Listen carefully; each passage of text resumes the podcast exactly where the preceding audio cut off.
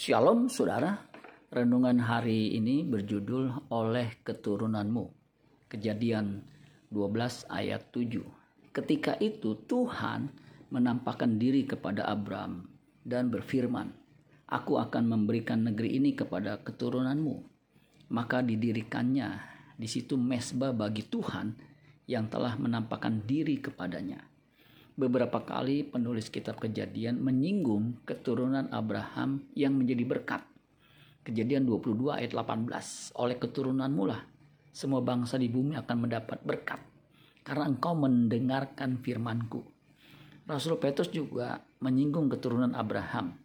Kisah para Rasul 3 ayat 25. Kamulah yang mewarisi nubuat-nubuat itu dan mendapat bagian dalam perjanjian yang telah diadakan Allah dengan nenek moyang kita ketika ia berfirman kepada Abraham, oleh keturunanmu semua bangsa di muka bumi akan diberkati.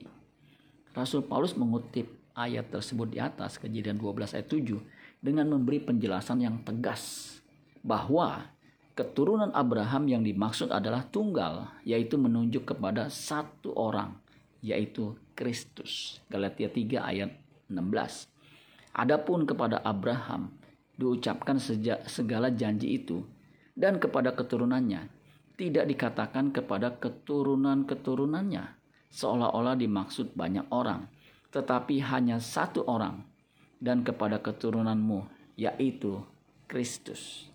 Hal ini juga diperkuat oleh pernyataan Taurat yang tertulis dalam Kejadian 3 ayat 15. Keturunan yang akan meremukkan kepala ular adalah Kristus yang mati di kayu salib.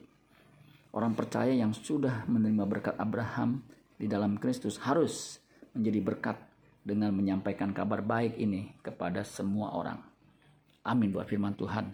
Tuhan Yesus memberkati. Sola Gracia.